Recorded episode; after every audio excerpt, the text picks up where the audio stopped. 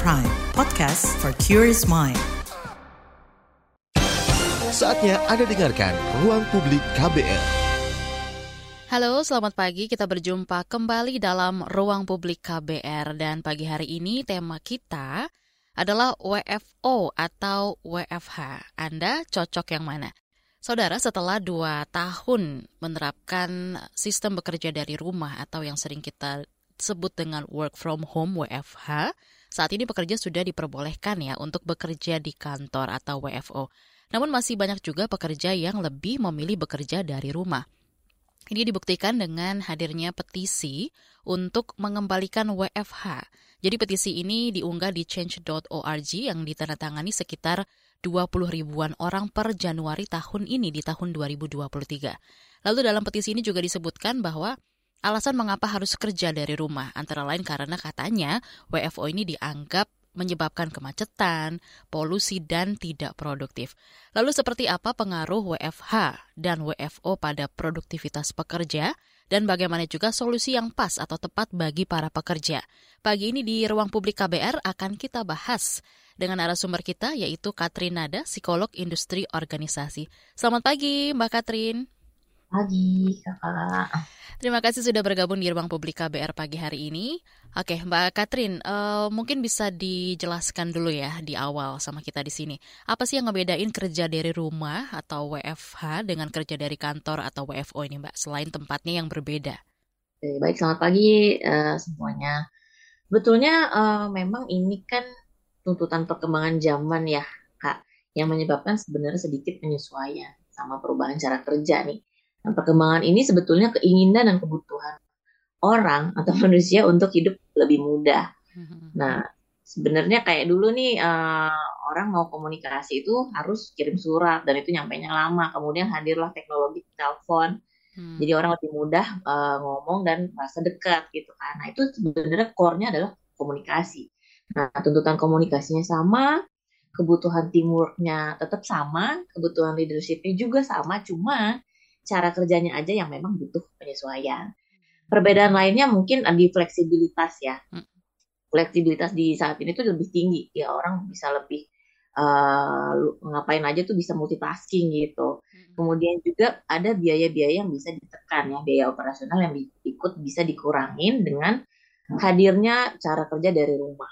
Dan tentunya mungkin yang lebih uh, membedakan juga efektivitas waktu di sini waktu waktu yang terbuang di jalan itu bisa banyak banget dikurangin dengan uh, aktivitas dari rumah gitu. Itu core-nya tapi core-nya tetap sih intinya sama. Hmm. kerja gitu.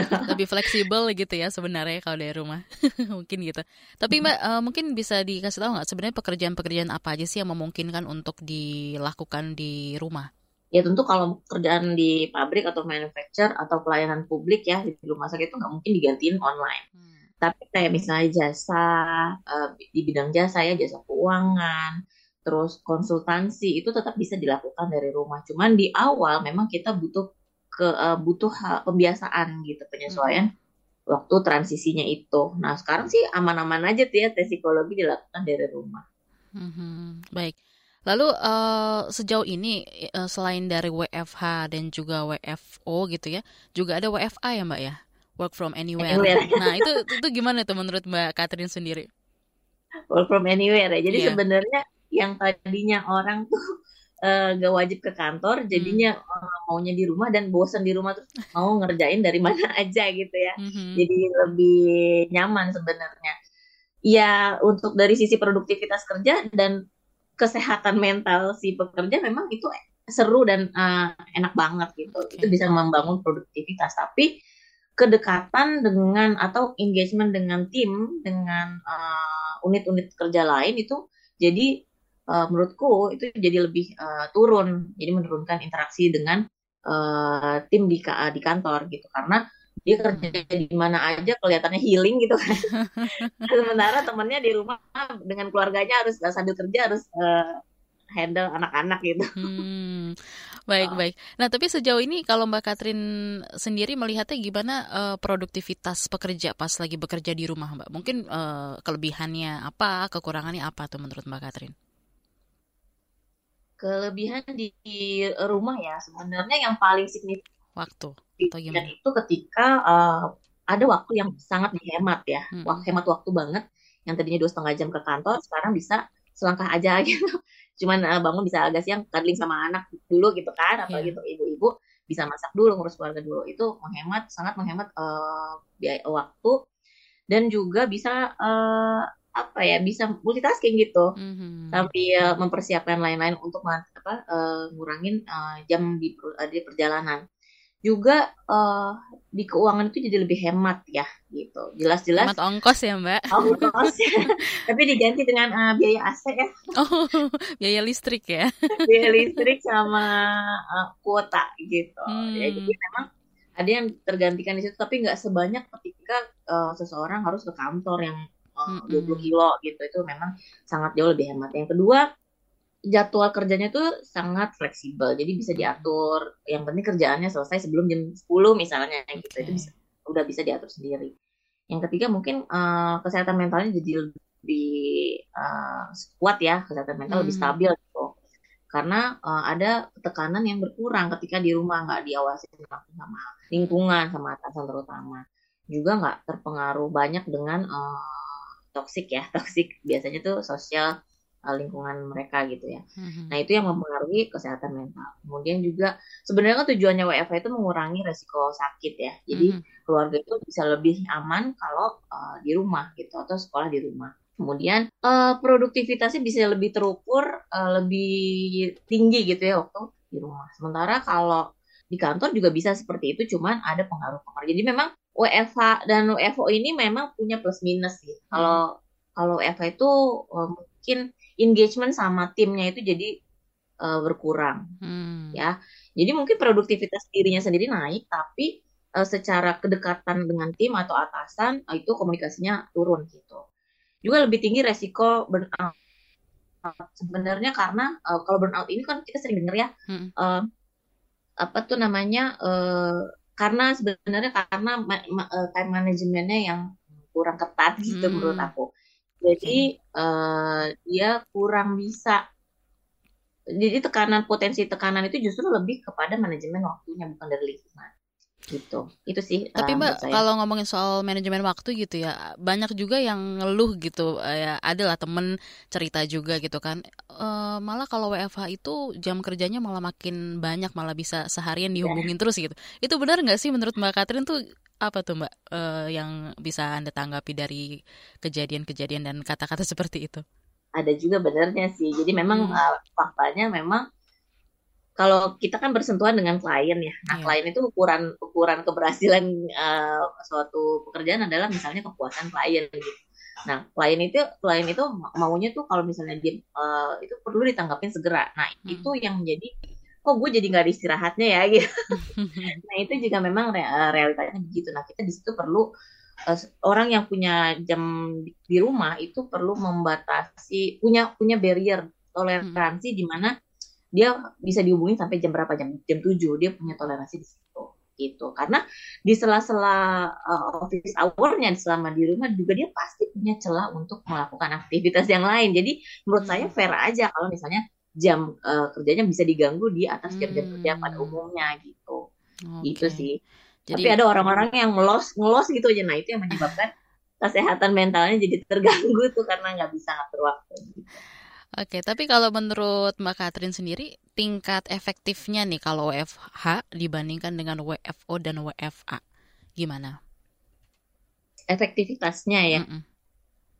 Hmm, kalau misalnya ini kan beda-beda kondisi ya masing-masing rumah dan masing-masing kebutuhan eh, perusahaan ya. Iya.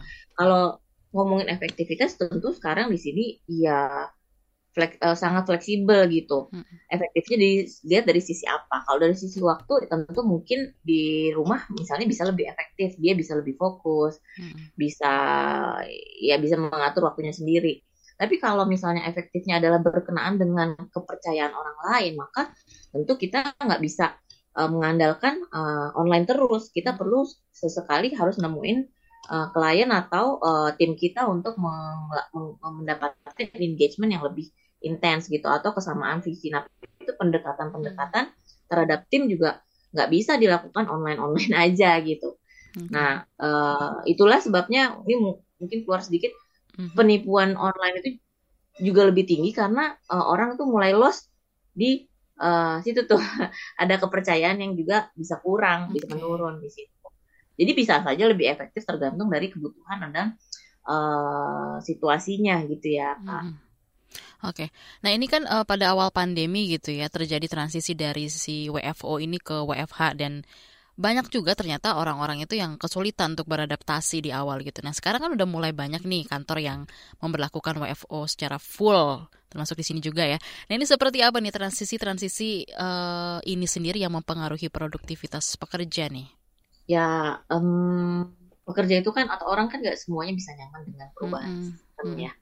Jadi suatu perusahaan itu punya sistem, lingkungan kerja itu punya sistem. Nah, jadi suatu transisi memang berat dilakukan. Apalagi ini satu negara yang ganti cara kerja gitu, yang tadinya nyaman dengan kerja di kantor, yeah. jadi harus apa apa dilakukan semuanya di rumah.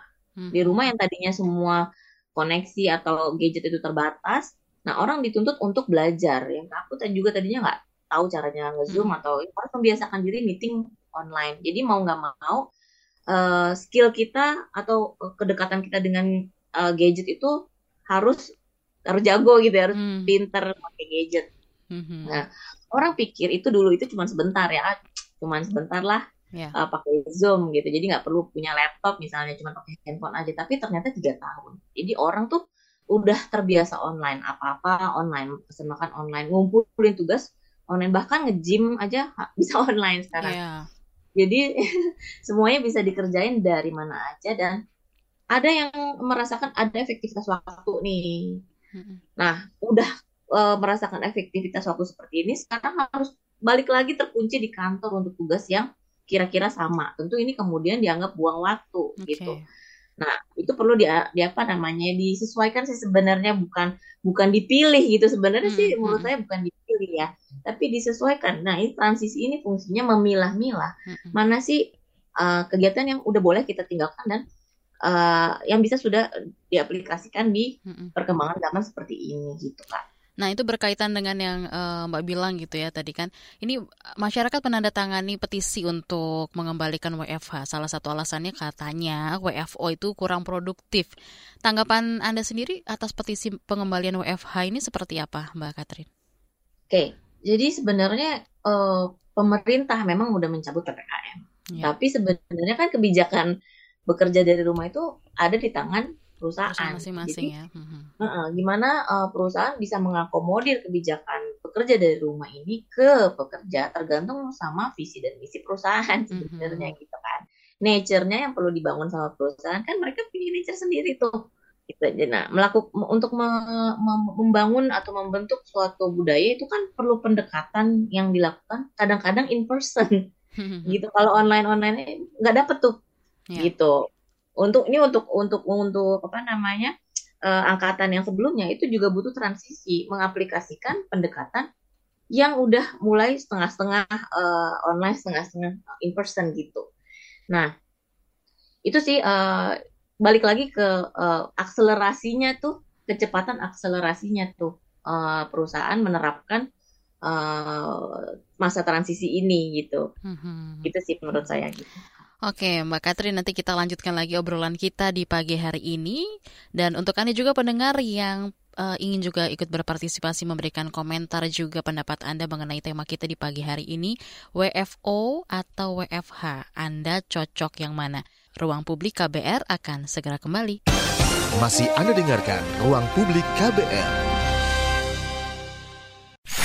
Commercial break. Commercial break. Ada kesedihan, air mata, dan trauma. Namun ada juga gelak tawa, bahagia, dan rasa bangga. Cerita kehidupan manusia adalah perjuangan dan pembelajaran. Pertanyaan di balik itu secara psikologi, apakah dia punya niat membunuh? Kan belum tentu. Saya kaget ketika ada konflik sesama orang Madura sendiri mengatasnamakan aliran keagamaan. Sejak itu, warga Syiah harus mengungsi sampai sekarang. Untuk kehidupan saya pada waktu itu aja nggak menentu kan. Boro-boro mikirin untuk perpustakaan gitu. Saga, cerita tentang nama, peristiwa, dan fakta. Liputan khas KBR ini telah memenangkan berbagai penghargaan nasional dan internasional. Anda sedang mendengarkan program Saga Produksi KBR. Simak di program Buletin Pagi pukul 6 waktu Indonesia Barat, Buletin Sore pukul 16 waktu Indonesia Barat, dan KBR Pagi pukul 7 waktu Indonesia Barat. Dengarkan Saga di radio jaringan KBR di Nusantara atau streaming di kbr.id. Saga juga hadir dalam bentuk podcast di kbrprime.id. KBR Inspiratif Terpercaya. Masih Anda dengarkan Ruang Publik KBR. Anda masih menyimak ruang publik KBR pagi hari ini dengan tema kita yang menarik sekali yaitu WFO atau WFH Anda cocok yang mana. Masih bersama dengan narasumber kita Mbak Katrin Nada, psikolog industri organisasi. Mbak Katrin, kita lanjut lagi obrolan kita yang tadi sudah uh, kita bahas bersama-sama WFH, WFO bahkan WFA ya. Nah, uh, awal bulan Januari ini Mbak Katrin, Menteri Keuangan Sri Mulyani ini sempat menyebutkan kalau ternyata anak muda itu katanya lebih suka melakukan pekerjaan di rumah dibandingkan bekerja di kantor. Ini berbeda ya dengan generasi yang lebih tua, yang lebih uh, lebih senior lah ya bisa dibilang seperti itu. ya, yang lebih menyukai bekerja di kantor gitu. Nah, menurut Mbak Katrin sendiri apa aja sih penyebab anak muda ini bisa lebih menyukai WFH gitu dibandingkan WFO? Silakan, Mbak. ya jadi awal-awal pandemi itu terkenal ada generasi rebahan gitu ya. Iya betul. jadi anak sekarang emang lebih akrab sama gadget ya, hmm. uh, dan menemukan kenyamanan. Jadi mereka dari lahir aja udah ngeliatnya gadget gitu. Ya, kemudian uh, mereka ini membu uh, senang dengan apa-apa yang uh, gampang, yang mudah gitu. Ngegampangin maunya shortcut langsung sinyal hilang sedikit itu udah langsung ngamuk-ngamuk gitu hmm. kayak apa-apa tuh maunya shortcut dan penyelesaiannya uh, harus uh, gampang harus cepat hmm. gitu nah itulah yang membuat uh, mereka tuh nggak terlalu adaptif sama uh, kiner bukan cara kerja di kantor gitu hmm. sebenarnya kan kalau kita kalau yang angkatan sebelumnya itu kan uh, penyelesaian itu lebih cepat dilakukan atau ditemukan di kantor karena ada interaksi sama orang lain gitu ya. Hmm. Ada sudut pandang uh, dari tim lain gitu. Nah, mereka ini nggak begini nih gitu. Hmm. Anak sekarang tuh uh, punya uh, kreativitas sendiri, yeah. punya sudut pandang sendiri, sehingga mereka kurang masuk aku maksudnya uh, ya lag ya dari sudut itu hmm. belum belum mengundang uh, uh, second point of view begitu. Okay. Nah itu yang penyelesaian yang gampang itu yang kemudian dicari sama anak sekarang. Nah yang kedua itu kenapa mereka suka di rumah itu karena fleksibilitasnya yang uh, tinggi tadi. Yeah. Mereka bisa berkreasi dan mengeksplor kreativitasnya, minatnya, waktu ada di rumah gitu. Mm -hmm. Atau misalnya mereka lebih yang anywhere tadi kerja di mana aja, mm -hmm. itu inspirasi kan bisa datang dari hal-hal yang mereka lihat gitu mm -hmm. di tempat terbuka. Makanya sekarang itu ada office park atau tempat-tempat yeah. kerja yang saat ini kayak yang berbayar gitu mm -hmm. ya yang bisa dipakai kerja dan lebih kondusif buat mereka mengeksplor uh, bakatnya atau minatnya gitu sih. Oke, sekarang kita mau coba sapa dulu yang sudah bergabung nih Mbak Katrin di telepon bebas pulsa KBR ada Ibu Tri di Jakarta. Selamat pagi Ibu Tri. Ya, halo selamat pagi. Iya, silakan dengan pertanyaan atau komentarnya. Silakan Ibu. Ya, uh, selamat pagi Bu Katrin. Um, ya, saya uh, melihat ya tetangga-tetangga uh, saya ketika pandemi itu mulai bekerja dari rumah itu uh, heboh sekali karena uh, apa namanya mengeluh jam kerjanya panjang sampai malam. Lalu kemudian ketika uh, mereka sudah harus mulai kembali bekerja, mereka mengeluh kembali karena aduh apa katanya macet buang-buang waktu di jalan jadi nggak efektif lebih enak kerja dari rumah begitu ya. Tapi kalau saya melihat memang uh, saya nggak tahu ya saya ingin bertanya sebenarnya dari sisi uh, kemampuan mungkin berbeda-beda ya tapi secara umum berapa lama sih yang dibutuhkan seseorang seorang pekerja itu untuk bisa beradaptasi dengan Uh, bentuk-bentuk uh, situasi kerja seperti ini, Mbak. Nah, apakah dalam uh, temuannya uh, Ibu Katrin, apakah ada orang yang sampai udah lama banget itu masih masih kesulitan untuk beradaptasi dan apa dampak uh, yang negatif atau dampak buruknya bila uh, seseorang itu tidak bisa uh, beradaptasi dengan pola kerja seperti bekerja dari rumah atau bekerja dari kantor ini. Uh, saya kira itu saja. Terima kasih. Baik, terima kasih Ibu Triani di Jakarta atas pertanyaannya.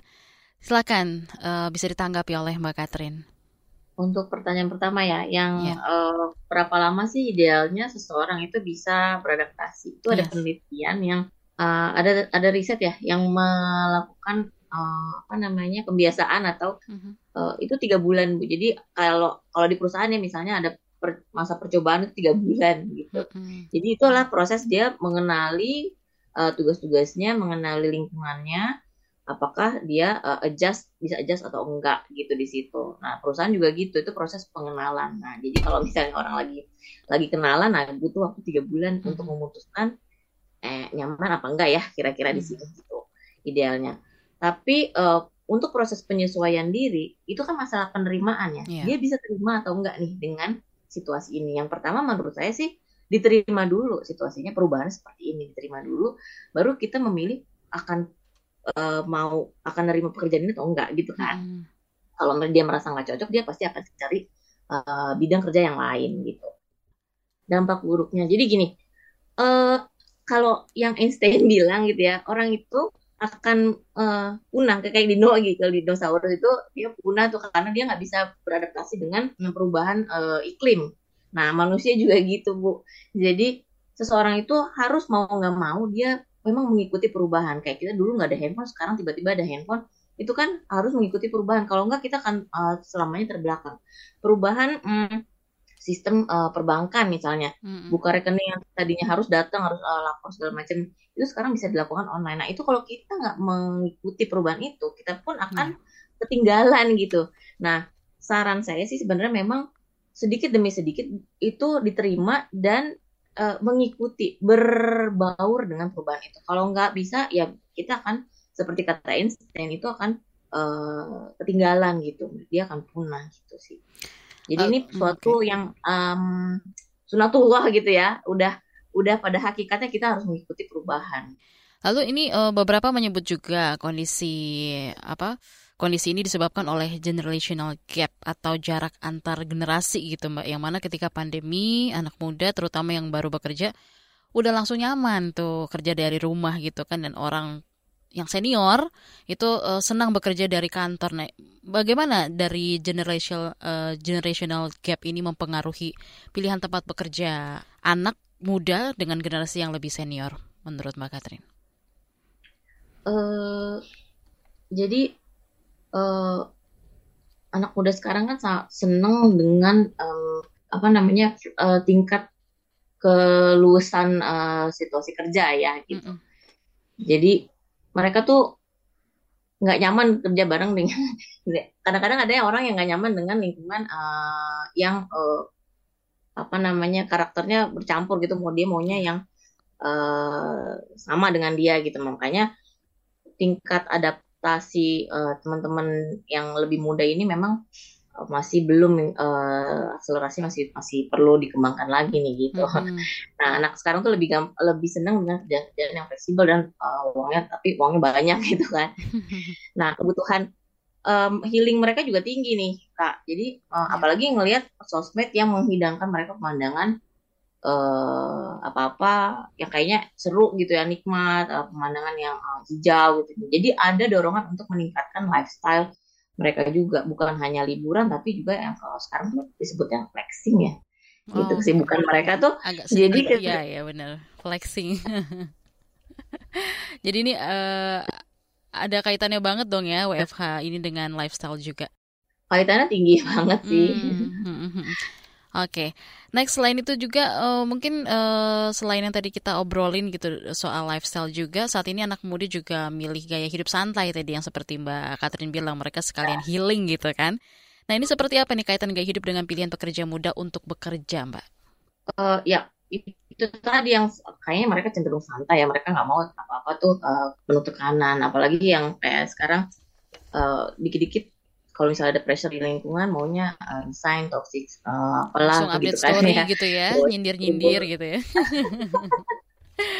Oke. itu ada itu juga suatu resiko sih kak jadi Mm-mm. memang itu uh, salah satu resiko bekerja dengan uh, anak muda dan dengan uh, tingkat uh, engage dengan gadgetnya tinggi gitu ya. jadi memang ya perlu pendekatan yang unik nih sama mereka ini Pendekatan unik tuh contohnya gimana Mbak Catherine?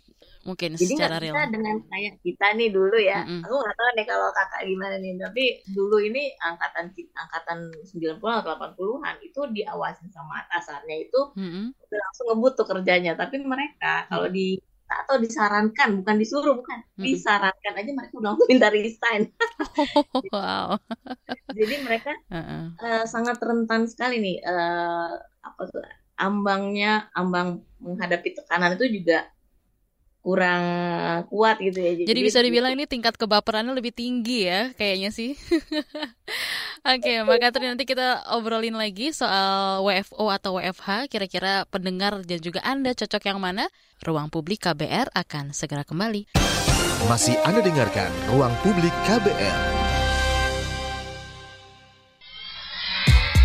Yuk follow social media KBR. Twitter at Berita KBR, Instagram at KBR.id, Youtube Berita KBR. Masih Anda dengarkan Ruang Publik KBR. Ya, terima kasih Anda masih mendengarkan Ruang Publik KBR pada pagi hari ini dengan tema kita WFO atau WFH, Anda cocok yang mana? Masih bersama dengan narasumber kita, Mbak Katrin, psikolog industri organisasi. Mbak Katrin, kita baca satu persatu ya komentar yang sudah masuk di WhatsApp dan juga di channel YouTube Berita KBR.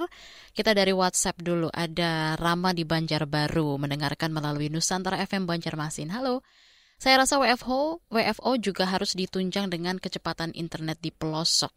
Mungkin maksudnya WFH kali ya, bukan WFO. Mungkin bisa ditanggapi juga sama Mbak Katrin? Ya benar sih. Jadi itu kendala yang juga di awal-awal juga tinggi ya. Eh, apalagi waktu sekolah itu ya sekolah harus online semuanya Iya. itu jadi masalah banget sih. Jadi memang infrastruktur perlu perlu di diper ditingkatkan lagi sih itu. Oke, baik. Kita baca lagi dari komentar YouTube ada Apriliana Lestari. Bagaimana cara membuat suasana hati menjadi enjoy saat masa WFO atau WFH? Kadang-kadang merasa bosan atau jengah juga eh, jengkel dalam hati saat semua peristiwa tersebut terjadi bersamaan. Tanggapan Anda seperti apa Mbak Catherine? Ya kebanyakan eh, permasalahan itu yang kayak eh, nggak mood terus burnout kayak gitu memang Mm-mm. eh, saya sih lebih ke mengarahkannya ke time managementnya. Mm-mm. Jadi kalau misalnya itu dilakukan tepat waktu, dimulai tepat waktu, pagi-pagi udah fresh gitu ya, dimulai tepat waktu, kita udah stick sama si jadwal yang dibuat, insya Allah eh, masalah-masalah kebosanan itu sih bisa diantisipasi lebih awal. Jadi ada waktu yang bisa kita pakai untuk melakukan misalnya eh lihat eh, lagu dulu gitu Mm-mm. atau eh, apa stretching dulu gitu. Oke, jadi ada em, apa namanya kegiatan awal untuk naikin mood dulu gitu ya, Mbak Catherine? Kalau saya begitu soalnya. Oke, lanjut lagi dari Wahyu di Depok dari WhatsApp. Tadi dikatakan Mbak Katrin, bidang jasa adalah salah satu pekerjaan yang bisa dikerjakan WFH atau WFA. Kalau Mbak Katrin melihat setelah dua tahun ini, apakah masyarakat Indonesia sudah terbiasa dengan layanan jasa secara online? Gimana Mbak? eh ini jasanya kan balik lagi apa dulu ya? Kalau jasanya benerin misalnya benerin motor atau mobil nggak bisa. Jadi harus ketemu langsung. Nah Mhm. jasa misalnya konsultansi kayak misalnya ya interview. Interview seperti ini kan nih wawancara ini yang tadi harus datang ke radionya terus tiba-tiba sekarang bisa dilakukan online. Ya. yang tadinya hanya di telepon bisa bisa eh, langsung. Nah hmm, itu sih eh, tergantung bidangnya ya gitu ya Jadi semua depend on eh, bidang yang digeluti gitu ya. jasa keuangan kan Mm-mm. bisa dilakukan tapi balik lagi trustnya udah dapat atau belum nggak nggak langsung serta merta apa online aja gitu terus langsung beli produk aja kan nggak gitu ya jadi memang engagement ketika masa online seperti ini atau WFH itu engagementnya memang lebih butuh waktu menurut saya ya menurut pengalaman saya itu memang butuh waktu perlu perlu tiga kali online ketemu eh, ketemu virtual gitu supaya bisa benar-benar yakin eh, dia mendapatkan jasa yang eh, sesuai dengan kebutuhannya Oke, okay. next kita baca dari Solo ada Ana. Katanya perusahaan besar multinasional sudah mulai memberikan pilihan karyawannya untuk bekerja dari rumah bahkan bisa tinggal di negara lain. Dari sisi perusahaan, apa sih untungnya menerapkan WFH? Kalau menurut Mbak Katrin seperti apa nih? Tentu biaya operasional perusahaan ya, gitu. Jadi bisa uh, jauh dihemat untuk biaya operasional. Um, itu sih yang signifikan ya Okay. Kalau kalau di soal struktur dan lain-lain itu uh, ke soft skillnya ya, ke kepemimpinan misalnya. Lebih ke biaya operasional. Nah, uh, selain dari WhatsApp yang masuk tadi ya, aku juga mau nanya nih Mbak, sebagai psikolog industri organisasi, mungkin bisa diceritain dari pengalaman yang Mbak Katrin sendiri menangani pekerja yang bekerja secara WFH ataupun WFO Mbak, atau mungkin ada yang WFA juga nih yang udah konsul ke Mbak Katrin. Ya, jadi saya pernah mendapatkan kasus-kasus macam itu. Kebanyakan sih burnout ya kayak case-nya kayak yang hmm, ini boleh saya share sedikit ya. uh, bahwa time management itu yang paling signifikan meng, me, me, apa namanya mempengaruhi mood seseorang ketika uh, bekerja. Sebenarnya nggak ternyata nggak terlalu berdampak di rumah atau di kantor kalau time manajemennya kurang rapi itu hmm. orang stres loh gitu jadi waktu kerjanya sampai jam 8 malam.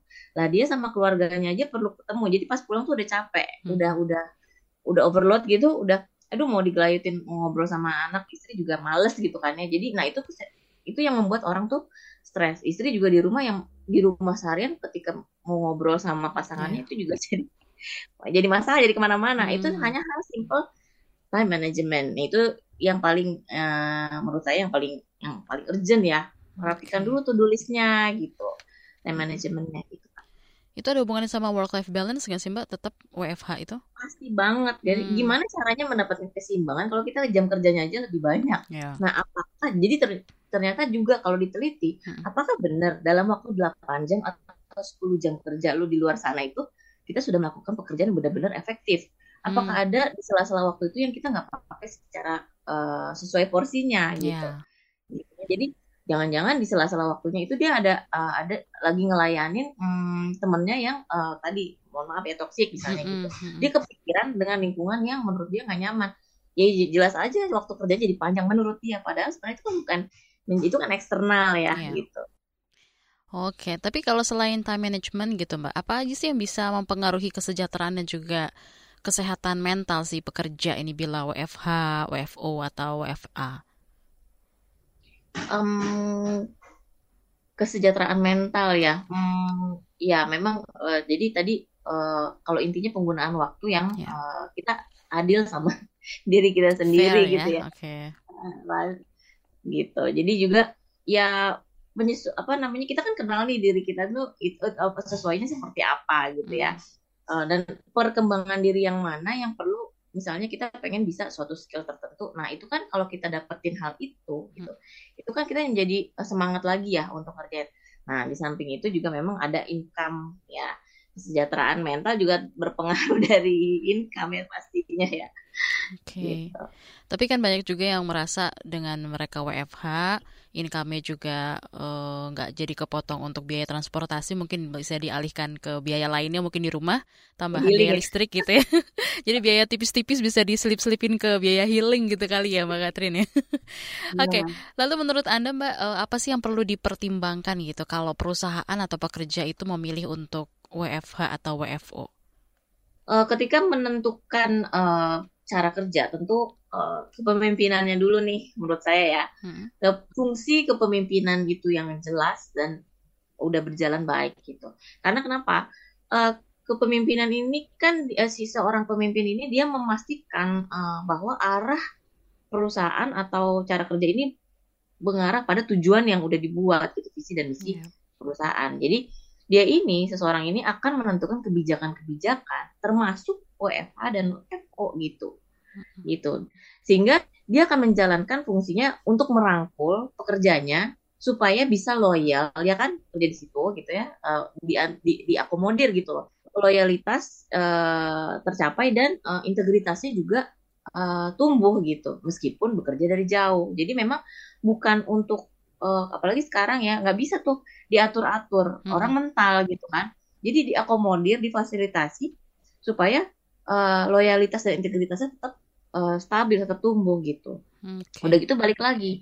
Pertama kepemimpinan, balik lagi ke kesiapan perusahaan atau organisasi dan pekerja untuk menghadapi perubahan ini nih. Saat ini perubahan tuh kan cepet banget ya, yeah. pergantian. Kebijakan tuh cepat berubah, sehingga organisasi juga perlu penyesuaian kan. Itu yang kita lihat tiga tahun ini. Ketika orang sudah terbiasa dengan suatu pola, yeah. baiknya dipersiapkan lagi nih langkah antisipasi karena kan ada perubahan baru lagi. Hmm. Untuk kembali WFO tetap perlu dipertimbangkan menurut saya sih perlu dipertimbangkan efektivitasnya gitu. Sebagian sih mm -hmm. gitu ya. Oke. Okay. Nah, Tapi kalau dalam pandangan uh, Mbak Katrin sendiri, kalau dari sisi pekerja apa bisa Mbak milih? Milih, uh, nah itu. Jadi sekarang itu ke suara suara pekerja itu kan lebih didengar ya, yeah. gitu ya. Mereka tuh lebih frontal dan lebih terbuka gitu sekarang ini. Nggak bisa exactly, lagi ditahan, yeah. nggak boleh ngomong begini, nggak boleh ngomong gitu. Jadi aspirasinya itu ini juga yang menurut saya perlu di uh, perlu di apa ya dilatih ya teman-teman pekerja termasuk saya sendiri juga itu melatih kepekaan melatih kemampu apa deliveringnya gitu loh delivering menyampaikannya ke uh, ke organisasi atau ke perusahaan bahwa kebutuhan kita nih begini dan kita udah nyaman begini gimana sih jalan tengahnya nih gitu hmm. jadi difasilitasi jadi pekerja juga jangan hmm, jadi win-win solution gitu ya mbak atau gimana yes. ya win-win solution jadi hmm. oh, nggak nggak nggak nggak bisa uh, perusahaan maunya dia di kantor terus orang nggak efektif kok gitu hmm. nah pekerja juga ya jangan di WFA terus kita butuh engagement gitu kita butuh trust gitu lingkungannya perlu dibangun nah kan gitu jadi ada memang nggak bisa semuanya yang kita mau kita dapat gitu ya kayak ya, betul pengaruh lagi pada efektivitasnya. Baik. Baik Mbak Katrin, nanti kita lanjutkan kembali obrolan kita masih dengan tema WFO atau WFH Anda cocok yang mana? Ruang Publik KBR akan segera kembali. Masih Anda dengarkan Ruang Publik KBR. Commercial break. Commercial break. Masih Anda dengarkan Ruang Publik KBR. Masih membahas soal WFO atau WFH, Anda cocok yang mana? E, bersama dengan Mbak Katrin, psikolog industri organisasi. Mbak Katrin, ini kita lanjutin lagi ya, baca beberapa komentar yang sudah masuk di channel YouTube Berita KBR. Oke, bagaimana cara mengetahui situasi psikologis antara satu orang dengan orang yang lain? Kadang-kadang tidak sama, berbeda. Ada yang mudah baper, cuek, acuh, bahkan ada yang mudah marah atau emosi. Silakan Mbak Katrin ini tergantung kita sebagai apa ya sebagai bagian SDM kah HRD atau hmm.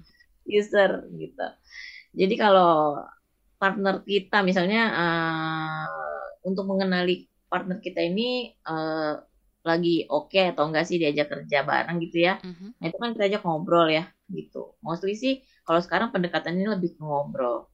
Tapi untuk uh, pressure kerja, untuk untuk kondisi psikologis ketika menghadapi tekanan kerja mungkin bisa dicari tahu dari beban kerja yang dia terima gitu. Mm-hmm.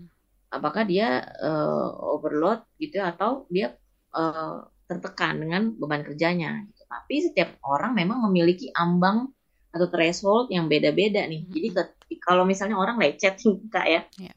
Ada orang yang lecet biasa aja gitu dia nggak merasa gitu nggak ngerasain. Mm-hmm. Tapi ada orang lecet sampai sedih banget kenapa ya gitu ya Allah hmm. ternyata cuma begitu orang lain ngeliatnya cuma begitu gitu tapi hmm. ternyata bagi dia itu sakit sekali gitu kan hmm. nah itu ambang uh, kak jadi ambangnya ini berbeda-beda bagi setiap orang jadi mungkin uh, bebannya sama tapi kesiapan mereka atau uh, kekuatan mereka ini beda-beda nah itu bisa kita lihat dari kalau dari di SDM kita kasih challenge atau kita kasih tugas yang uh, apa namanya yang bisa uh, dia kerjain atau enggak nih gitu dan cara ngerjainnya nih ribet atau enggak ya dia gitu. hmm. gitu karena kerjanya sama belum tentu cara kerjanya sama gitu kan ya gitu sih okay. nah kalau untuk uh, baper-baper itu hmm. ya memang perlu diajak ngobrol semangatnya atau hot buttonnya dia di mana sih gitu ya apa yang membuat dia uh, antusias untuk uh, kerja atau uh, ngobrol sama kita gitu gitu sih kak Oke, kita lanjut lagi di WhatsApp sudah ada Yatni di Tangerang